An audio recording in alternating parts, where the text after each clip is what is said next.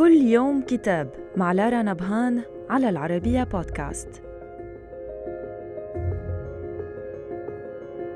نتناول اليوم كتاب العلاقة بين الهجرة الدولية والتنمية من منظور البلدان المرسلة للمهاجرين للأكاديمي والباحث الدكتور هاشم نعمة فياض يرى فيه المؤلف أن العلاقة المعقدة بين الهجرة الدولية والتنمية تحظى بالمزيد من البحث على المستوى الأكاديمي وعلى مستوى الدول والمنظمات المهتمة بهذا الموضوع. ويضيف أن هذا الاهتمام لا يزال ضعيفاً ولا يرقى إلى أهمية الموضوع في العالم العربي. رغم أن هذه المنطقة تشترك بقوة في هذا الصنف من الهجرة وتتأثر بنتائجه الكثيرة والمترابطة. ومن هنا جاء هذا الكتاب مساهمة في سد بعض النقص في هذا الحقل.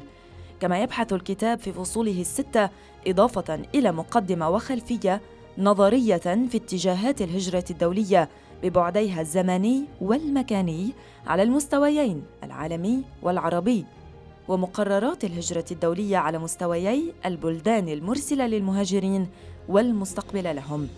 ويحلل إشكالية العلاقة بين الهجرة والتنمية وتحويلات المهاجرين وعلاقتها بالتنمية. ويعالج تأثيرات الهجرة الدولية خصوصا في جانبيها الاقتصادي والاجتماعي.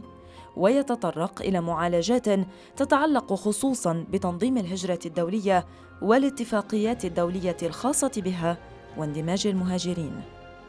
صدر الكتاب عن المركز العربي للأبحاث ودراسة السياسات في بيروت. وإلى اللقاء مع كتاب جديد.